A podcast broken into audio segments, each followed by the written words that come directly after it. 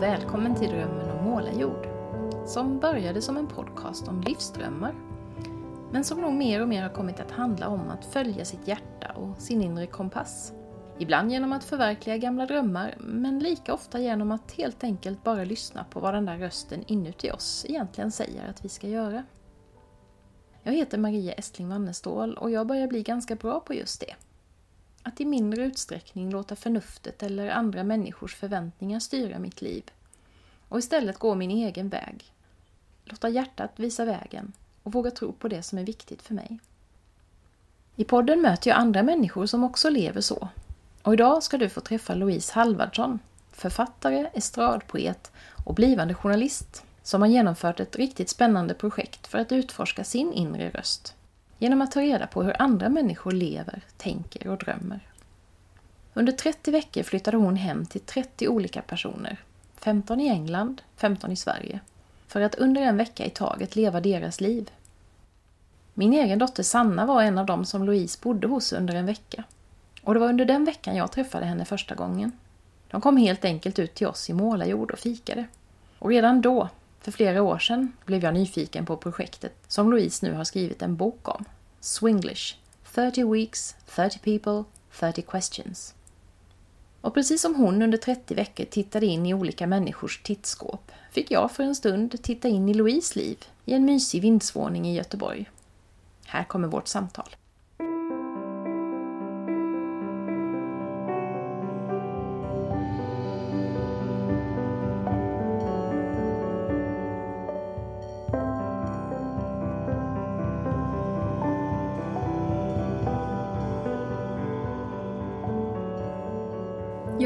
Jag mina intervjuer ofta med att fråga eh, den jag pratar med om eh, vem hen är.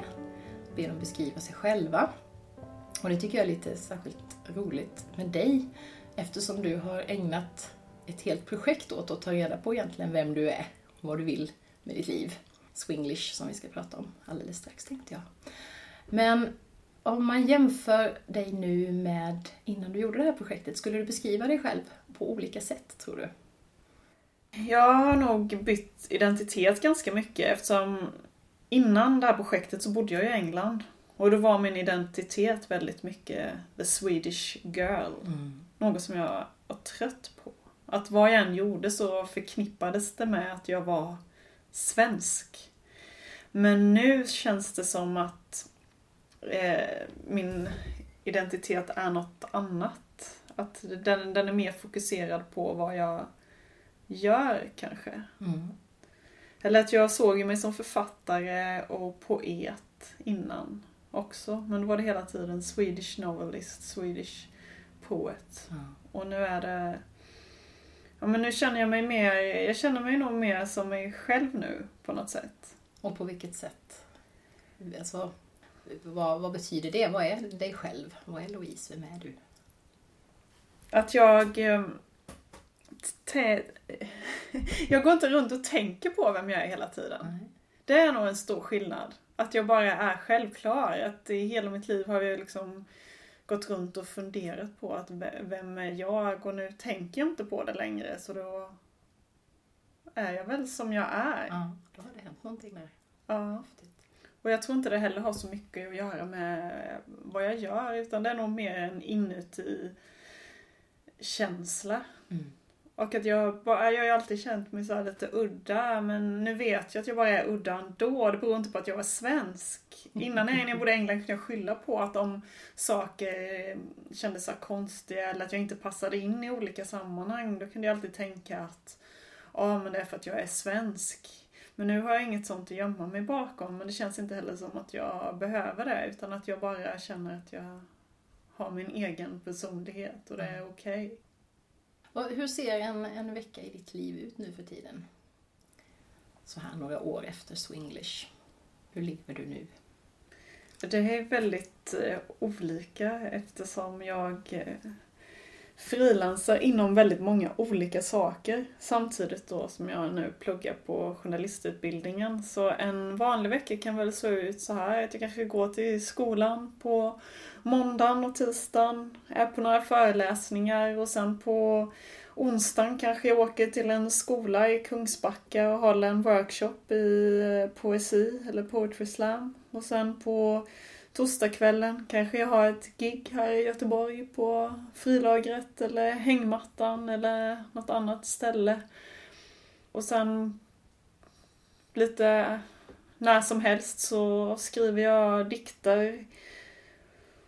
Och så slösar jag massa tid framför datorn, letar idéer, artikelidéer som delvis har med skolan att göra men delvis egna frilansprojekt och sen på helgerna så träffar jag oftast kompisar och min nuvarande musa slash livskamrat.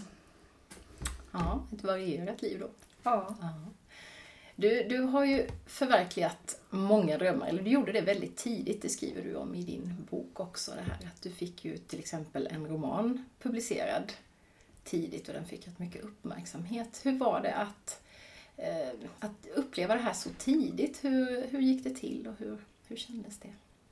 Men jag hade alltid trott att jag skulle bli författare, i alla fall ända sedan jag var Ja men sedan jag var 20 19-20, alltså det fanns ingen annan utväg utan jag skulle bli författare. Jag tänkte aldrig att jag skulle utbilda mig till någonting. Eller, utan jag tänkte att ja, men, jag kanske måste försörja mig genom att jobba på ett café eller vad som helst. Men det är författare jag är. Så att jag vet inte var jag fick det självförtroendet ifrån. Men jag, jag höll ju på att skriva så jag kände att det var det jag gjorde. Så när folk frågade vad jag gjorde så sa jag att jag höll på att skriva. Och även om jag också jobbade med andra jobb så kom det alltid i andra hand. Utan i första hand så presenterade jag mig som författare. Fast det var mycket lättare eftersom jag bodde i England. Och mm. i England så skiljer man ju på writer och author. På svenska finns ju bara författare, det finns ju skribent också. Men skribent tänker man mer att det kanske är någon som mer skriver artiklar. Mm. Alltså det är inte någon som är författare. Utan writer är ett sånt suveränt ord. För det kan betyda precis vad som helst. Allt ifrån att man skriver en dikt till att man skriver en essä eller krönika eller en bok. Det, det är så brett och det är inga mm. problem med att man kallar sig för writer. Vem som helst kan ju vara en writer. Mm. Men um, och du måste inte ha publicerat någonting nej, egentligen, nej, utan nej. du kan kalla det där redan under processens gång. Ja, och det är ingen som tycker att det är konstigt, utan liksom bara, uh, yeah, I'm a writer. Och, men om man skulle säga I'm an author, då mm. blir det ju bara, va?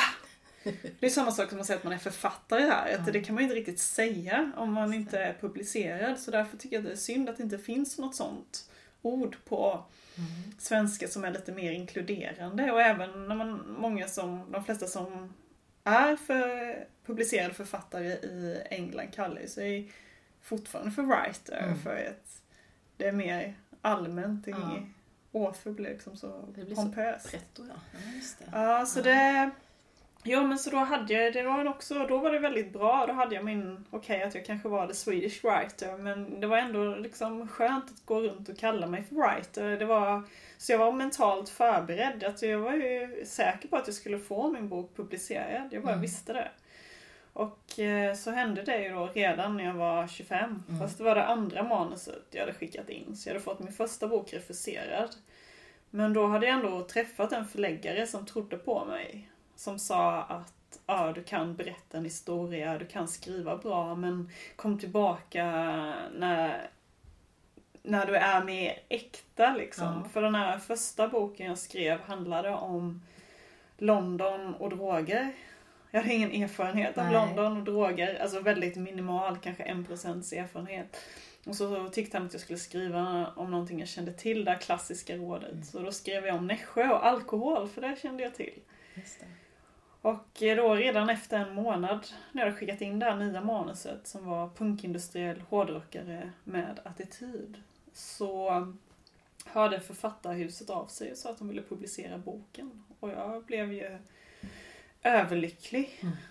Och eh, eftersom det var det första förlaget som var intresserade och det här var typ mitt i sommaren så då kontaktade jag de andra större förlagen och sa ja, nu har jag ett förlag som är intresserat. Och de andra förlagen blev också intresserade då men de sa att de inte kunde ge mig ett besked så snabbt för de hade mycket segare beslutsprocess. Mm. Så till slut då så jag tackade ja till Författarhuset för jag tänkte att det är ändå någon som vill ha boken. Och jag är väldigt glad att jag gjorde det för det Mm. gick väldigt bra. Men, och sen kom den ju också ut då i En bok för alla i pocket. Ett par år senare. Så det, det liksom gick väldigt, väldigt bra. Men då fick jag också någon slags hybris. Det var som att jag hade laddat för det här i så många år. Mm. Och så hände det. Och så vann jag Författarförbundets debutantpris och helt plötsligt var jag författare. Och det, det var så det var så självklart men sen blev det också väldigt overkligt för att jag hade liksom, jag hade ganska mycket så här one track mind. Jag ska skriva en bok, jag ska skriva en bok och sen så bara Jaha, ska skriva en bok till nu? Ja, det. Och det var väldigt svårt att leva upp till den pressen på något sätt. Vad fick du för reaktioner eh, på boken förutom det här priset? Från läsare och så? Jag fick ju jättemycket mail från främst unga tjejer som sa att Mm. de kände igen sig väldigt mycket. Och att de hade mått bättre av att läsa boken. Och det var folk som ville att jag skulle komma till deras skola och prata om boken. Och så här ungdomsgrupper på bibliotek som hade önskat att jag skulle komma dit och prata. Mm. Och allt det här var ju så superfantastiskt. Men då var jag också dum nog att jag bara, nej jag ska bo i, fortsätta bo i England. För då gjorde, det gjorde ju att jag var tvungen att tacka nej till en del grejer. Mm. För att de inte ville betala resan Nej. och sådana där saker. Så Ja, jag, jag, efterhand så hade jag ju behövt en manager. Jag var ju 25 och eh, liksom full av hybris och visste inte vad jag skulle ta mig till och det är ingen i min familj eller släkt som håller på med något konstnärligt överhuvudtaget. Så de, Nej. de kunde inte stötta mig. De var ju glada för min skull och så men det var inte så att de hade några råd. Eller om någon annan kanske hade sagt att nu, nu måste du faktiskt fokusera här och kanske skriva en bok till i liknande genre Mm. och försöka få ut den. Rida på den där vågen då liksom Ja. som du hade startat. Där. Ja, men det var som att jag inte kunde det heller. Så att nu i efterhand ångrar jag det inte men det, det har ju funnits många tillfällen där jag känt mig bitter. Att eh, shit, varför skrev jag inte bara en uppföljare direkt på Mm. svenska istället för att hålla på och krångla och skriva en uppföljare på engelska Ja. med helt andra karaktärer. Och, och då tog det väldigt lång tid också. Dels för att jag skrev på engelska. Och sen då att jag hade bestämt mig att nej, jag ska ge ut det här i England, skit i Sverige. För att jag Mm. var så fullt övertygad om att jag typ skulle bli engelsk och bo i England. Och... Mm. Hur kom det sig att du hamnade i England och Brighton från början? Det var väl bara en längtan bort. Jag hade varit på språkresa när jag var 16 i England och jag längtade tillbaka dit. Och så såg jag då att man kunde läsa en kurs i Brighton som bara var tre månader och då tyckte jag att det var en bra idé att åka dit. Mm. För jag ville egentligen inte plugga utan jag ville bara bo i England. Men den kursen var en väldigt bra inkörsport. Det var en Mm. engelska kurs på folkhögskola och så ingick det även en kurs som heter Work Experience som var som praktik och då gjorde jag praktik på ett bibliotek och sen fick jag jobba lite extra där och sen ett par år senare så fick jag lite vikariat och så allting, eh, det var verkligen skitbra att gå den kursen. Mm. Det blev liksom, och, ja men redan efter en vecka så visste jag att här ska jag bo resten av mitt liv. Ja. Det var en sån magkänsla att jag hade hittat hem och Ja, sen, sen blev det ju en väldigt stor chock då typ när jag var 28-29 att inse att jag kanske inte vill bo här resten av mitt Mm. liv. Att någonting som jag hade tagit för givet i tio år inte längre stämde.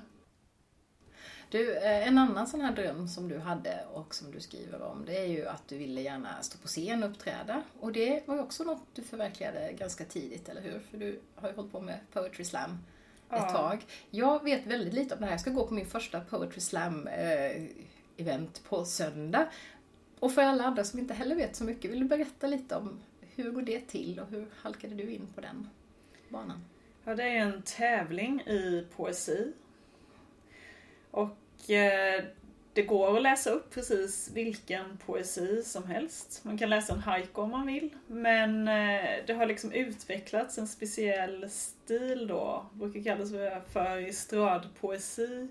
Eller spoken word talar man om. Eller scenpoesi. Att det är nästan mer åt teaterhållet, lite monologliknande texter ibland. Fast det ändå har sin botten i dikt. Så det är ju dikter, men de är ändå mer lättillgängliga mm. än en dikt som man läser i en bok. Det är mer rakt på sak och oftast är de ju personliga då. Att de mm. personen som läser upp den läser om en, någonting den själv har varit med om. Mm. Handlar det ju ofta om.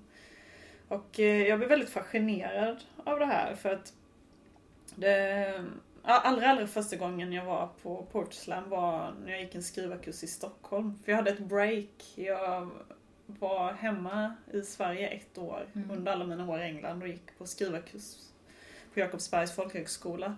Och då var jag på ett Portslam. Men det, jag vet inte, jag imponerades inte så mycket av det då. Jag var, gillade mer öppna scener kom jag i kontakt med. Och det är ju, det hörs ju en öppen scen är egentligen bara en lokal som har mm. en scen och en mikrofon och vem som helst får anmäla sig och läsa upp någonting. Och det var så jag började i England eftersom jag höll på att skriva på romaner när jag bodde där. Men det var väldigt ensamt och jag kände ingen annan som skrev. Så då tänkte jag att de här öppna scenerna, där borde ju finnas andra människor som gillar att skriva. Så det var egentligen att jag gick dit för att träffa så kallade romankompisar. ja.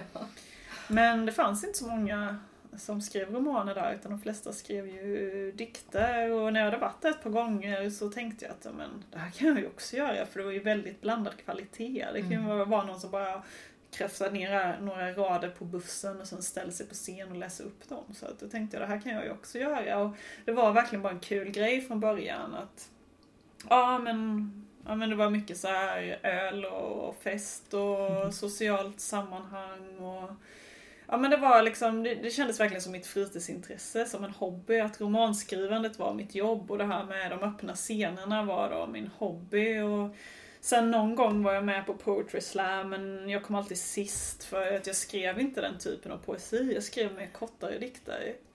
Men sen var det som att ju mer jag, det var som att jag knäckte koden på något sätt. Att efter några år jag hade varit på Poetry Slam så kom jag på att ja, men jag måste ju börja skriva längre dikter. Och så mm började göra det och sen helt plötsligt så vann jag ett par poetry slams i England och så tänkte jag att oj, jag är ju bra på det här. Mm. Och på engelska då dessutom. Ja. Det är ju också mm. häftigt att göra det på ett annat språk än sitt modersmål. Mm. Ja. Kul. Och det håller du alltså fortfarande på med och är ja. ute och, och giggar ibland. Alltså. Ja, vad spännande. Eh, Swinglish-projektet, det stora som du har jobbat med. Hur kom den här idén och vad hade du för tanke bakom? Ja, det var ju en 30-årskris som kanske började redan när jag var 28. Jag hade kommit hem från Nya Zeeland för det var en av mina stora drömmar i livet att, att resa och se världen. Och sen efter jag hade sett Nya Zeeland så kändes det liksom, jaha, vad ska jag resa nu? Då har jag varit på andra sidan jorden. Det var som att jag var väldigt mätt på resande och det var en väldigt speciell resa för jag hade letat upp en avlägsen släkting, en kusin till min farmor och det var så helt otroligt att jag hittade henne och mm. det kändes som en sån här ouppnåelig dröm och så hade jag gjort det. Så det kändes väldigt tomt efter den resan. Mm. Och, den och sen var det två grejer till då. Den andra grejen var ju att det hade tagit slut med ett förhållande jag hade haft i fem år. För jag hade också drömt om att få uppleva lycklig kärlek. Jag hade aldrig varit med om den i tonåren eller sådär. Så att när det verkligen hände så var det väldigt stort för mig. Så, och sen då tog den relationen slut efter fem år. Och då kändes det som att jag kommer aldrig kunna uppleva det här igen. Och den tredje grejen var ju det här med boken då som mm. jag redan varit inne på. Att det kände att mm, hur ska jag kunna toppa det här? Jag kommer aldrig kunna vinna något mer debutantpris. Jag har ju redan debuterat. Att den mm. enda chansen för mig att vinna till debutantpris var ju att bli utgiven i England då. Ja. Det var ju lite min tanke men jag började inse att det inte var så lätt. Att jag hade en agent som försökte sälja in min bok Men nästan alla sa samma sak, att de inte riktigt visste vad det var för genre. Och sen var det några som hade sagt att, om att jag skulle komma tillbaka när min engelska var bättre. Och Mm. det kändes väldigt kränkande. Så det kändes som att allting som betydde någonting för mig i livet, typ så här, skrivandet, kärleken och resandet. Att eh, det fanns, det, allt det var borta på något sätt. Och så började jag gå och prata med kurator och jag bara befann mig i något så här konstigt, konstigt tillstånd. Liksom. Att jag kände att jag ville- behövde en förändring men jag visste inte vad förändringen var. Så en, eh, en natt så bara så här satte jag mig upp mitt i natten och kom på att ja, men, vad gör alla andra människor med sina liv? Hur står de ut? För det kändes ju ändå som att de flesta människor hade ganska vanliga, tråkiga liv. Men ändå var de glada och fortsatte leva. Så jag tänkte, hur gör de för att orka med att finnas till överhuvudtaget?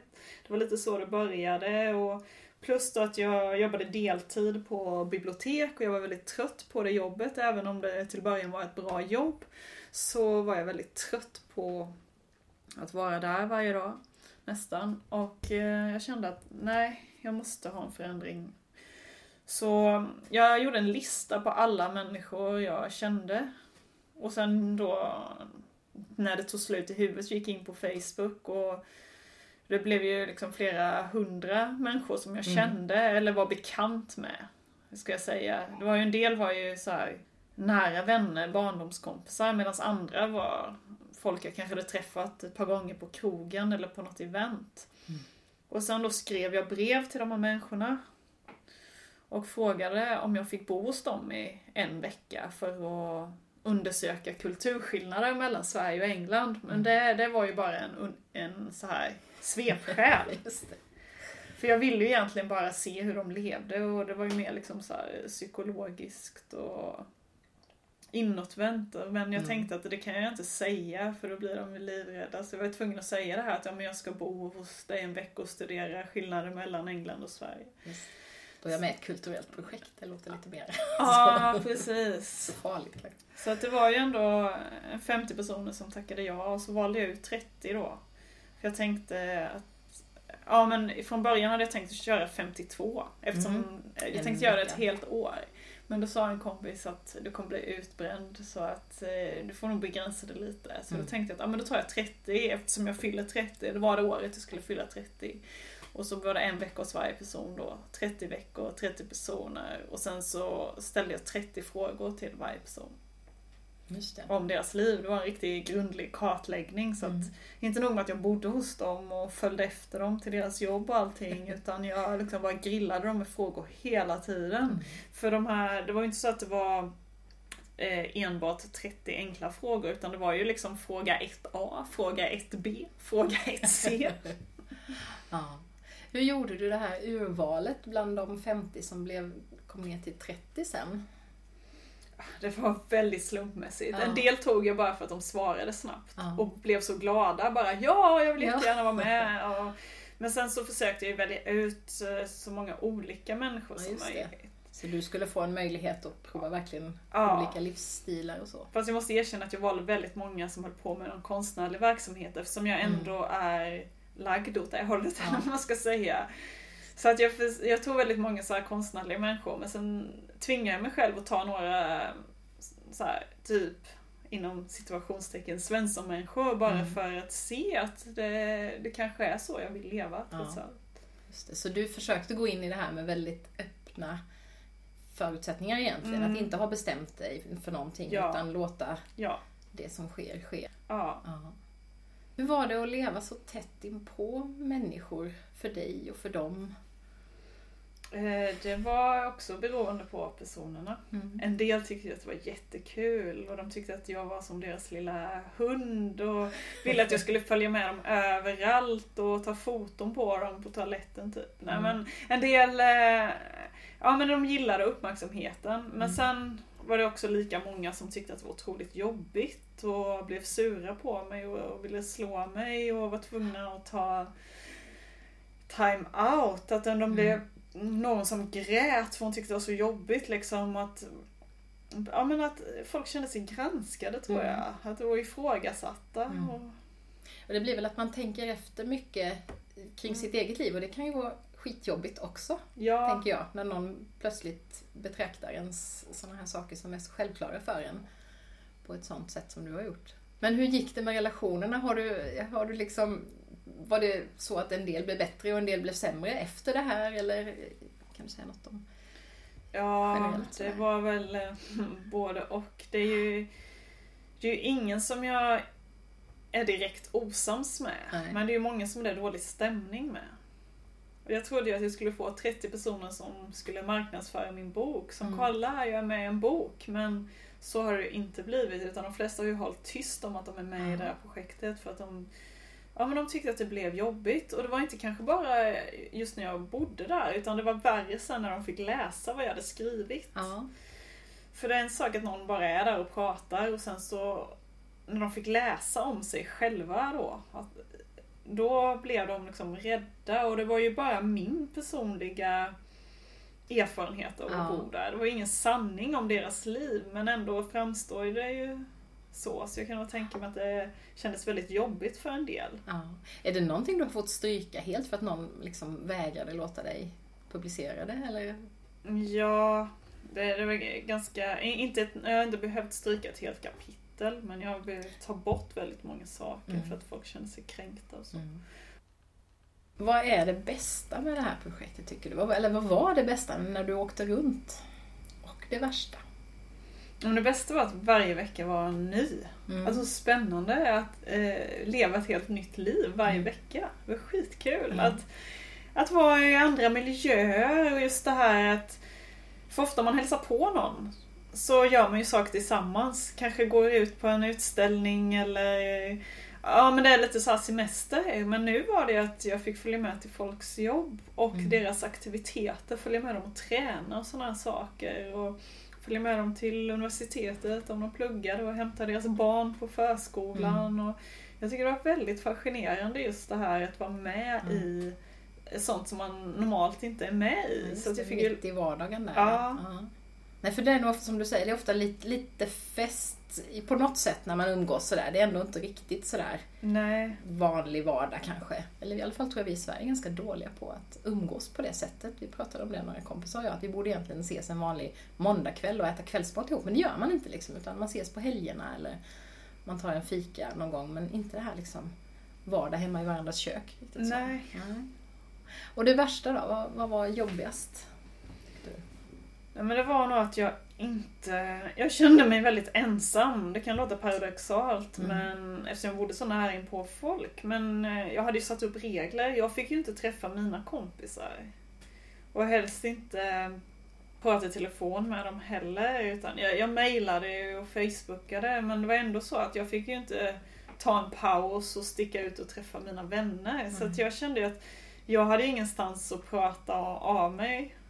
Så att jag skrev ju istället. Så det var väl bra för skrivandet att jag skrev ju väldigt mycket dagbok och anteckningar. Men, men det var det här att, att vara fånge i någon annans liv. Mm. Ja, för du levde ju det så mycket så att du till och med åt samma mat Ja. och gjorde precis Mm. de saker i den mån det gick. Ja, Och all den här maten som du skriver om, som du fick tvinga i dig emellanåt. Hur, hur reagerar kroppen på det? Nej, men jag mådde förvånansvärt bra Ja. faktiskt. Du skrev om de här när du var på McDonalds och Ja, det var inte riktigt din grej. nej, så det var ju... Ja men så här, att tvingas äta Marmite till Ja, exempel. som det vet jag inte riktigt vad det är, kom jag på när Du jag kan, läste. du kan få smaka Ja. man burk hemma. Ja. Men det är en slags jästextrakt som de har som pålägg.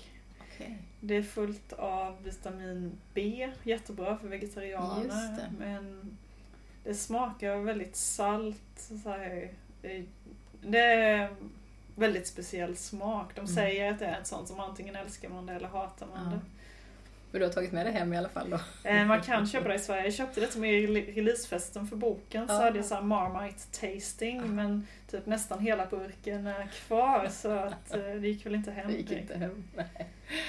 Du, du frågade ju alla dina, eller alla dina värdar om vad som är deras största dröm. Mm. Jag tyckte Det var lite roligt eftersom den här podden handlar mycket om drömmar just. Eh, vad, vilken var den vanligaste typen av dröm som folk hade? Kan du generalisera på något sätt? Vad, vad är det? Vad, vad, går folk och drömmer om nu när du har gjort en sån här studie på 30 stycken olika liv? Ja, det är väl lite olika.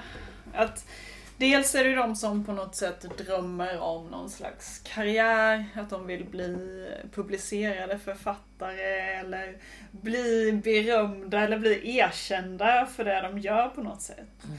Sen är det andra då som drömmer om, om familj och eh, mer abstrakt lycka. Mm. Att bara vara lyckliga. Hitta, hitta kärleken. Mm. Alltså de, de allra flesta hade nog inte så... Jag tyckte det var lite provocerande att det var många som inte hade så stora drömmar. Att det var mer det här att de... Alltså det är ju en stor dröm att och liksom vara lycklig. Det är mm. väl fantastiskt att kunna uppnå det eller, eller vara frisk eller ha en frisk familj. Och, mm. De flesta levde i den Ja men i det här, de här grundläggande sakerna som mm. att de inte tänkte utanför. Ja, just det, lite Maslows behovstrappa där. Så ja, man inte kommit precis. så högt på stegen. Så att de ibland fick verkligen tvinga ur folk. Ja, men något annat, om, man, om, om vi tar det här utanför liksom en frisk familj och sådär. Vad skulle du göra då? Och då var det en del som bara, jag vet inte. Kanske köpa en sommarstuga liksom. Mm. Så att, jag tyckte det var väldigt eh, fascinerande då. Mm. Men de, eh, de personerna jag kanske kom överens bäst med, det var ju de som hade så kreativa drömmar. Mm. Att på något sätt Ja men också det att inte bara själva uppnå någonting utan att andra ska beröras av ens kreativitet. Att man vill något större med det. Inte bara den här ego-grejen att åh kolla nu ska jag skriva en bok och bli känd. Utan att de ville liksom skriva en bok eller göra en skiva som berör mm. andra människor på något sätt. Mm. Så det är, de, det är de drömmarna som du kände var närmast dina ja. egna då kanske? Ja. ja. Det tycker jag var intressant för det, det, var en sån sak som jag kom fram till när jag blev intervjuad eh, i en annan podd och fick frågan vad förenar dina poddgäster? Då kom vi just fram till det här att det här var en av grejerna att de allra flesta hade någon sån här just, alltså något, något syfte ut utanför sig själv. Att inte bara förverkliga sig själv utan att faktiskt göra någonting bra för världen på något sätt. Ja. Eh, beröra eller inspirera eller informera eller vad man nu vill göra. Det, det tyckte jag, det, det, hade jag inte tänkt så mycket på men det blev så tydligt då att ja, det kan ju bero på mitt urval av gäster också förstås kanske men, men det fanns väldigt ja. mycket sådana likheter. Eh, vad var den allra konstigaste drömmen då? Var det någon som hade någon sån där som stack ut liksom? Det var ju ganska djupt. Det var ju en, en transperson som var med och hon, hon drömde ju om att verkligen bli accepterad som kvinna. Mm. Så att det, det låg ju på liksom ett djupare identitetsplan. Ja.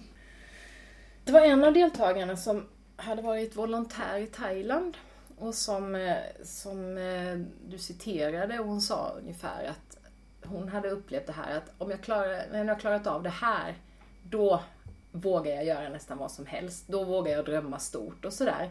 Eh, hur, hur tänker du kring det här? Att, eh, att drömma stort, kanske inte nå hela vägen fram, men är det viktigt för dig att, att liksom våga, våga tänka i lite större termer, lite utanför de här kanske eh, ja, vardagsbubblan? Ja, men att våga prova. Ja. Det, det, är viktigt. Jag känner väl också det här att nu har jag genomfört det här projektet så att jag kan. Mm. Allting går om man bara vill. Alltså det är klart det inte gör. Man kanske bryter båda benen och är med om någon olycka eller någonting mm. sånt där. Men även utifrån sina egna förutsättningar så kan man alltid nå man kan ju alltid nå någonstans. Mm förbättra sitt liv på något sätt. Just det. Så du har fått lite mod och lite självförtroende genom det här projektet kanske då? Eh, ja, ja. Nej men också det här att jag, jag bara, jag, jag bryr mig nog inte lika mycket om vad andra tycker. Nej. Ja, men just för att det är ganska mycket jantelag i Sverige men är också i England Mm. tyvärr. Man tänker att det bara är ett nordiskt Ja, fenomen det. men i England så säger de don't show off. Liksom. Så Mm. det är inte fint att framhäva sig själv och då Nej. menar ju inte det, ja, det här att man ska trycka upp stora affischer på sig själv och sätta upp över hela stan och säga kolla vad cool jag är. Men med det här liksom att nu gör jag det här och pratar om det här för jag känner att jag så ofta måste tona ner mig själv för att jag gör så mycket och jag gör så mycket kreativa saker och det kan kännas som att dels att jag blir trött på mig själv men att andra blir trötta på det. Att, Mm. Att det sticker i ögonen lite, Ja. att man liksom vågar ta plats och Ja. synas och höras. Mm. Ja. ja men det är jätteintressant tycker jag för vi, är, vi, vi pratar ju alltid om den svenska jantelagen men jag har också tänkt det men så här måste det väl vara i många andra kulturer också. ja. Det kan ju inte vara bara typiskt svenskt. Du skriver också i boken att I'm jealous of anyone who's found a true path. Och jag tänkte på det, eh, känner du att du liksom har hittat den där vägen eller kompassen eller vad man ska säga? Har, har projektet hjälpt dig med det? Har du mer riktning i livet nu än du hade innan? Det är väl mer att jag tänker att vägen inte är en väg utan att den Nej. är mer som ett träd. Eller, eller, eller, till, eller att det är en massa grenverk av stigar och att det är okej att gå lite hur som helst. Mm, just det, det behöver inte vara en sån där rak autostrada utan... Att ibland, ibland går man i cirklar och är så rädda för att göra det men Mm. att det är okej för innan så var jag nog liksom så här författare or nothing liksom. One track mind. Som jag sa det där att Ja men att jag såg poesin som en hobby. Det var som att jag inte tog den på allvar. Men nu så har jag tänkt liksom att ja, men nu tar jag poesin på allvar. Jag är ju bra på det här. Jag Mm. gör det här. Och då har det öppnat så himla många nya dörrar. Det här att jag håller i poesiworkshops och jag får mycket mer gigs för det är att jag ser på det som ett jobb och inte Mm. som en hobby. Och det är tack vare att jag inte bara tänker att jag är författare utan att jag också kan vara poet. Jag kan Mm. också vara föreläsare. Jag kan också vara workshopledare. Jag kan också vara journalist. Men att det är många så här parallella vägar. Mm. Och så finns det ändå någon slags kärna som är du Ja. i det här. Fast du uttrycker det på Ja. olika sätt. Ja, det känner jag igen. Så, så tänker jag nog också. Och så tänker jag att ibland kan det se så spretigt ut det man gör. Men så länge det inte känns så för en själv, så länge man själv liksom har någonting som håller ihop det så, Ja. så tror jag att det kan... Att det bara är bra att, att prova olika uttrycksformer. Du skrev också på ett ställe att när du kom längre in i projektet så blev det mer tydligt för dig att det finns så många olika beslut och val. Först var det mycket det här med England och Sverige, även om som du säger det var lite av ett svepskäl kanske. Men, men att du också upptäckte det, att ja, ja, men det handlar ju om så många olika saker när vi liksom väljer vår, vårt livsträd, eller vad vi nu ska kalla det. Det var ju, du pratade om, ska jag jobba eller plugga? Ska jag leva i en relation eller singel? Ska jag ha barn eller husdjur?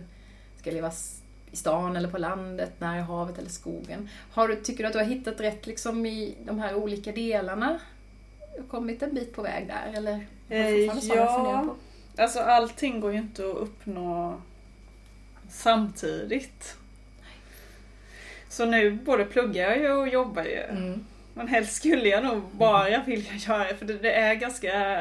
Jag känner det att det, det, det är svårt att ha den balansen. Att jag önskar att men nu släpper jag plugget och bara ägnar mig åt alla mina frilansuppdrag. Mm. Eller att nej men nu tackar jag nej till frilansuppdrag och bara satsar på skolan. Så att, men det är väl det där igen som jag sa, att jag vill att man kan ha många stigar men just det där, så det, det känns väl att jag kanske inte riktigt är där helt men att jag är ändå på den vägen Mm. för jag kommer ju inte plugga jag, kanske liksom två år till men Mm. inte mer sen. Men pluggandet är ett, ett steg på vägen till att Mm. hitta det här jobbandet. För att jag hade ju inte pluggat innan Nej. förutom skriva kurs folkhögskola så. Men jag hade aldrig pluggat på universitetet så det kom jag ju på tack vare projektet Mm. att jag ville plugga. Mm. Så man kan ju säga att projektet gav dig liksom lite av det du ville ha ändå. Ja. Du fick mer insikter om som kan hjälpa dig i de här olika Ja, valen? jag hade ju aldrig vågat börja på universitetet om det inte hade varit för projektet. För jag är väldigt rädd för universitetsvärlden. Men tack vare att jag fick följa med några av projektdeltagarna till universitetet så märkte jag att åh, jag fattar vad de säger. Det är inte helt obegripligt. Så det var ju väldigt skönt. Och om jag inte hade börjat plugga överhuvudtaget så hade jag nog inte eh, liksom kunnat göra några, flera av de jobben jag gör nu. Så att liksom Mm. det är en så här växelverkan, att allting hänger ihop. Och ja, Mm. och sen mer på det personliga planet så är det väl också det att jag känner att det är, det, det är okej att inte vilja ha familj. För jag hade väldigt mycket ångest över att jag inte längtade efter barn. Mm. Och så tänkte jag varför gör jag inte det? För nästan alla gör ju det. Men då var det ändå några i projektet som inte gjorde det. Och då var det skönt att veta att nej, det är okej att det, det är inte alla som gör det. Även Mm. om det är det vanligaste att man gör det så är det inte alla som gör det. Och då kunde jag liksom gå vidare. Då fick jag u- tack vare projektet var det som att då kunde jag liksom slappna av. Att Mm. tänka att det är okej. Just det. Så projektet har varit lite som gruppterapi på ett sätt Ja. kanske då? Att du har kommit till insikt om saker Ja. just genom att träffa andra. Ja, häftigt. Finns det andra saker du har tagit med dig från projektet? Förutom det här kanske att det är lite lättare att ta vissa beslut och så. Några insikter eller lärdomar eller idéer du har fått med dig som du liksom känner att du har kvar? Ja, men det är väl de, de små drömmarna också. Att innan hade jag bara stora drömmar.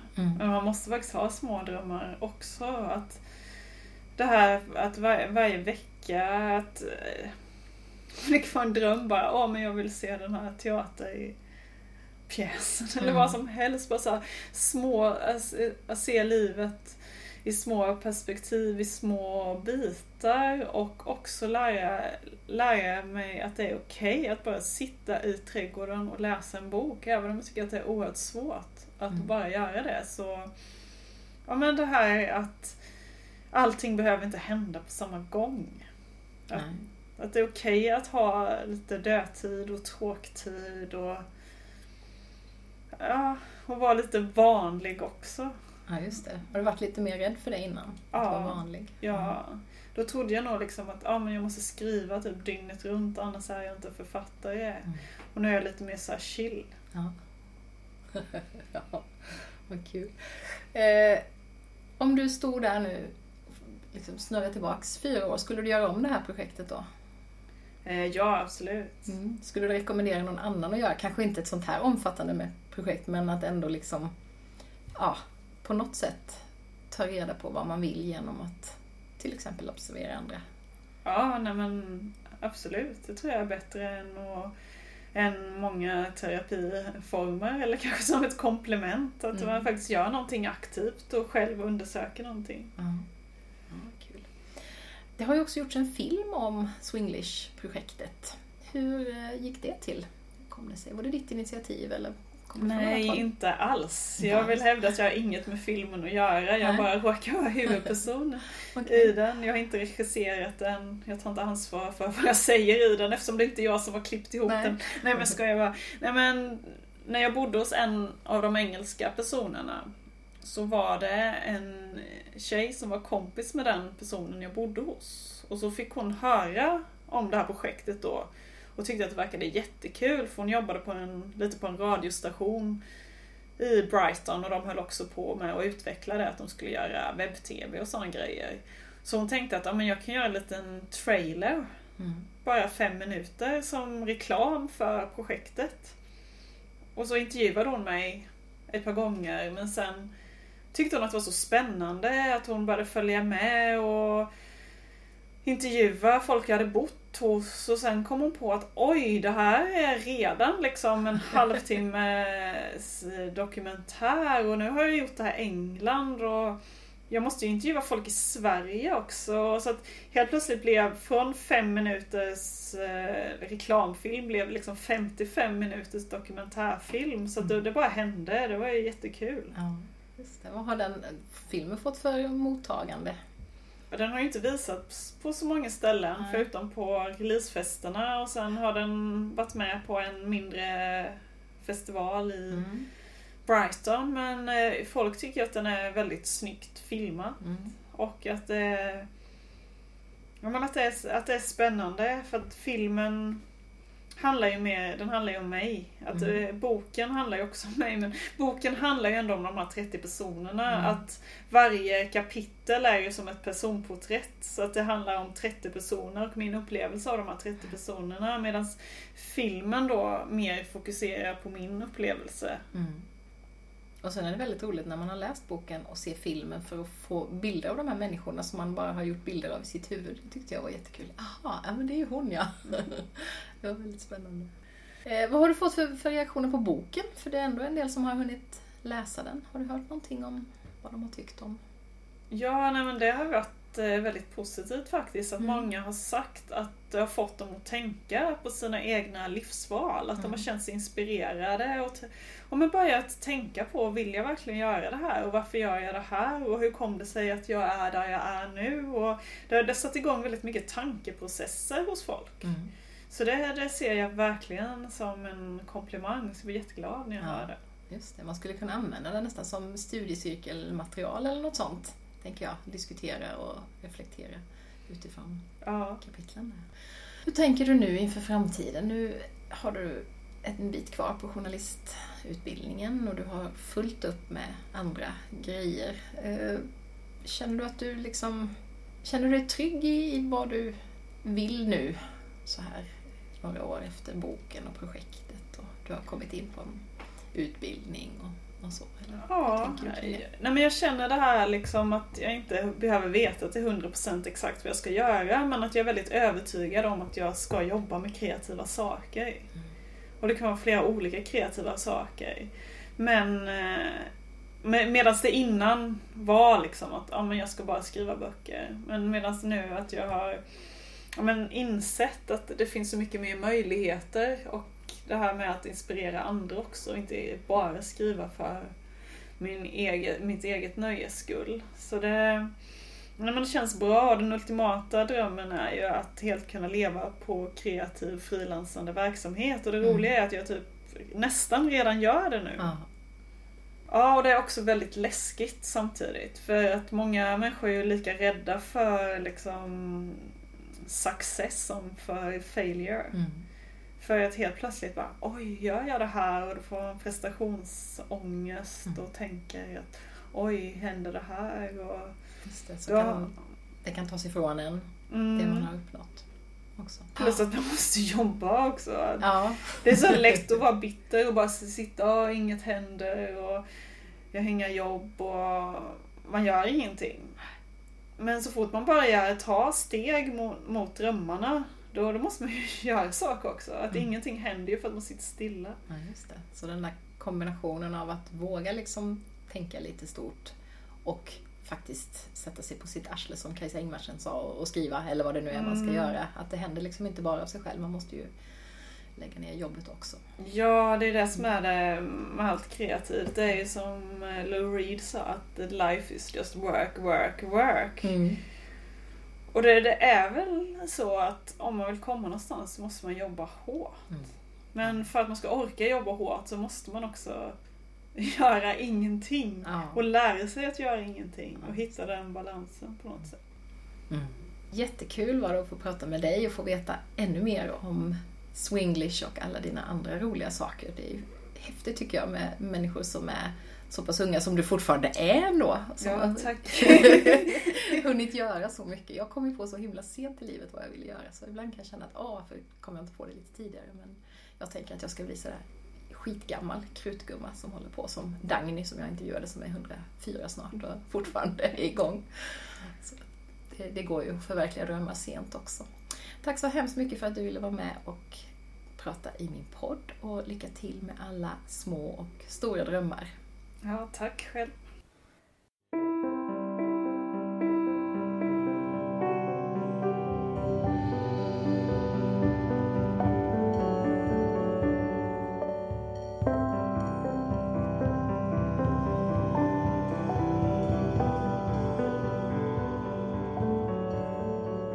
Louise Halvardsson var det där.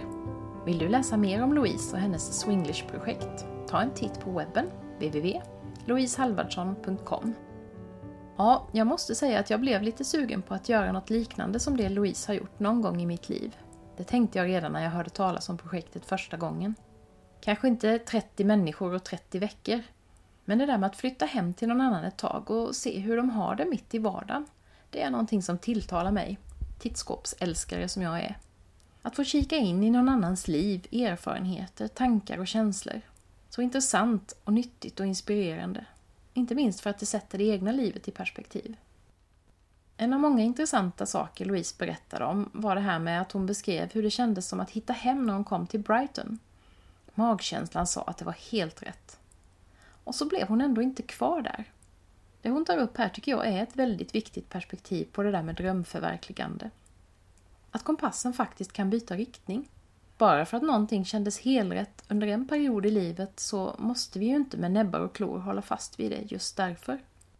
Om detta pratar jag med coachen Maria Järlofsson i ett kommande avsnitt av podden. En helt annan grej som Louise pratade om var ju att hon har fått många mejl från läsare som har berättat om hur hennes debutroman, Punkindustriell hårdrockare med attityd, hjälpte dem att må bättre. Vilken fantastisk känsla det där är.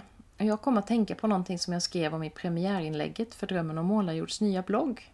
Om en läsarreaktion på bloggen Livstid som jag drev tillsammans med min vän och kollega Sara under fem års tid. Jag citerar ur den nya bloggen. Jag glömmer aldrig mejlet från en kvinna som en ångestfylld natt googlat ”Hjälp mig” och av någon outgrundlig anledning hamnat på vår blogg. Hon läste hela natten och på morgonen skrev hon och tackade för att våra ord hjälpt henne genom den nattens mörka tunnel. Kanske var bloggläsandet bara en liten glimt i hennes mörker. Men för mig blev den glimten ett starkt lysande ljus som fortfarande värmer mig. Slut på citat. Ja, jag har alltså börjat vardagsfilosofera i bloggform igen efter några års uppehåll sedan vi la ner livstidsbloggen. Jag insåg hur mycket jag har saknat det där vridandet och vändandet på tankar och erfarenheter. Dessutom har jag börjat tycka att det är väldigt roligt att dokumentera inte bara i ord utan också i bild. Förnuftiga hjärnan tycker förstås att jag är helknäpp som satsar på ännu ett gratisprojekt i mitt liv. Som om jag inte hade tillräckligt många sådana redan. Men hjärtat kvittrar och kvillrar och då har jag lärt mig att faktiskt bry mig mer om det. På bloggen kommer du som är intresserad att, förutom det där vardagsfilosoferandet, också bland annat få rapporter från verkligheten bakom poddkulisserna och glimtar från livet här i Målarjord. Jag hoppas att mina ord och bilder ska kunna bli en inspirerande del av din vardag. Och så var det ju det här med estradpoesi och poetry slam som Louise håller på med. Samma vecka som jag träffade henne tog en vän med mig på mitt livs första poetry slam-tävling. Till en början satt jag där och iakttog de nervösa deltagarna och tänkte att hur så förfärligt att gå upp på scenen och blotta sitt hjärta med en egenskriven dikt sådär. Men någonting hände där inne. När jag och min vän gick från lokalen en dryg timme senare tittade vi på varandra och konstaterade att nästa år, då ställer vi upp själva. Ja, det är ju rätt så galet, i synnerhet för mig som aldrig har skrivit poesi. Min dotter hakade också på, så nu har vi bestämt oss för att skriva en dikt var i månaden. Inte för att få kommentarer av varandra, utan bara för att det ska bli av. Och för att vi ska ha ett litet lager att välja från när det blir dags. I lördags delade jag med mycken vånda med mig av mitt första alster. Otroligt läskigt. Den tjattrande apan satt förstås där på min axel och sa Gud vad du är pinsam. Men jag tog mina ballonger som jag pratade om under lunchföreläsningen dagen före, om att acceptera för att kunna förändra. Höll dem stadigt i handen, såg att de inte var jag, de där tankarna. De var inte sanningen, bara mina dömande tankar. Och så blundade jag och hoppade. Och tänkte på Bob Hansson och hans befriande krönika i tidningen Leva, nummer 6, 2010. Jag citerar. Också den dikt jag tycker är dålig kan glädja någon annan. Om det händer blir jag såklart genast glad och för detta krävs en generositet som överstiger min egen fåfänga. Men herregud, man ska väl inte visa upp det sämsta man gör? Det är väl inte snällt varken mot en själv eller den andra? Jo, för om man delar med sig också av det sämsta man gör, ja då kan ju någon annan få tanken att herregud, det där kan jag också göra. Kanske till och med mycket bättre. Och vips så har man gett en annan människa lite skaparlust. Visst är han klok den gode Bob. Finns det någonting i ditt liv som du väldigt gärna skulle vilja göra, men som känns lite för läskigt? Har du också en sån där tjattrande apa på din axel som säger att nej men, inte kan väl du? Kanske är det dags att säga hejdå till den där apan och blunda och hoppa i alla fall. Berätta gärna på poddens Facebook-sida om vad du går och tänker att du skulle vilja göra, om du bara vågade. Kanske kan vi stötta varandra. Tack så mycket för att du har lyssnat. Nästa vecka fortsätter vi med ett tredje avsnitt på temat skrivande. Och du ska få möta förläggaren Ulrika Slottner som driver ett förlag med fokus på barn och ungdomsböcker som berör. Det finns såklart paralleller till det vi pratade om i förra avsnittet där jag samtalade med förläggarparet Petra och Dennis Ariton. Och samtidigt är det en helt ny historia du får ta del av. Välkommen tillbaka och ha en fin Kristi himmelsfärdshelg om du lyssnar medan det här avsnittet fortfarande är färskt. Kanske är du som jag ledig i fyra dagar och det innebär ju massor av tid att lyssna i kapp om det finns samtal du har missat, eller hur? Hej då!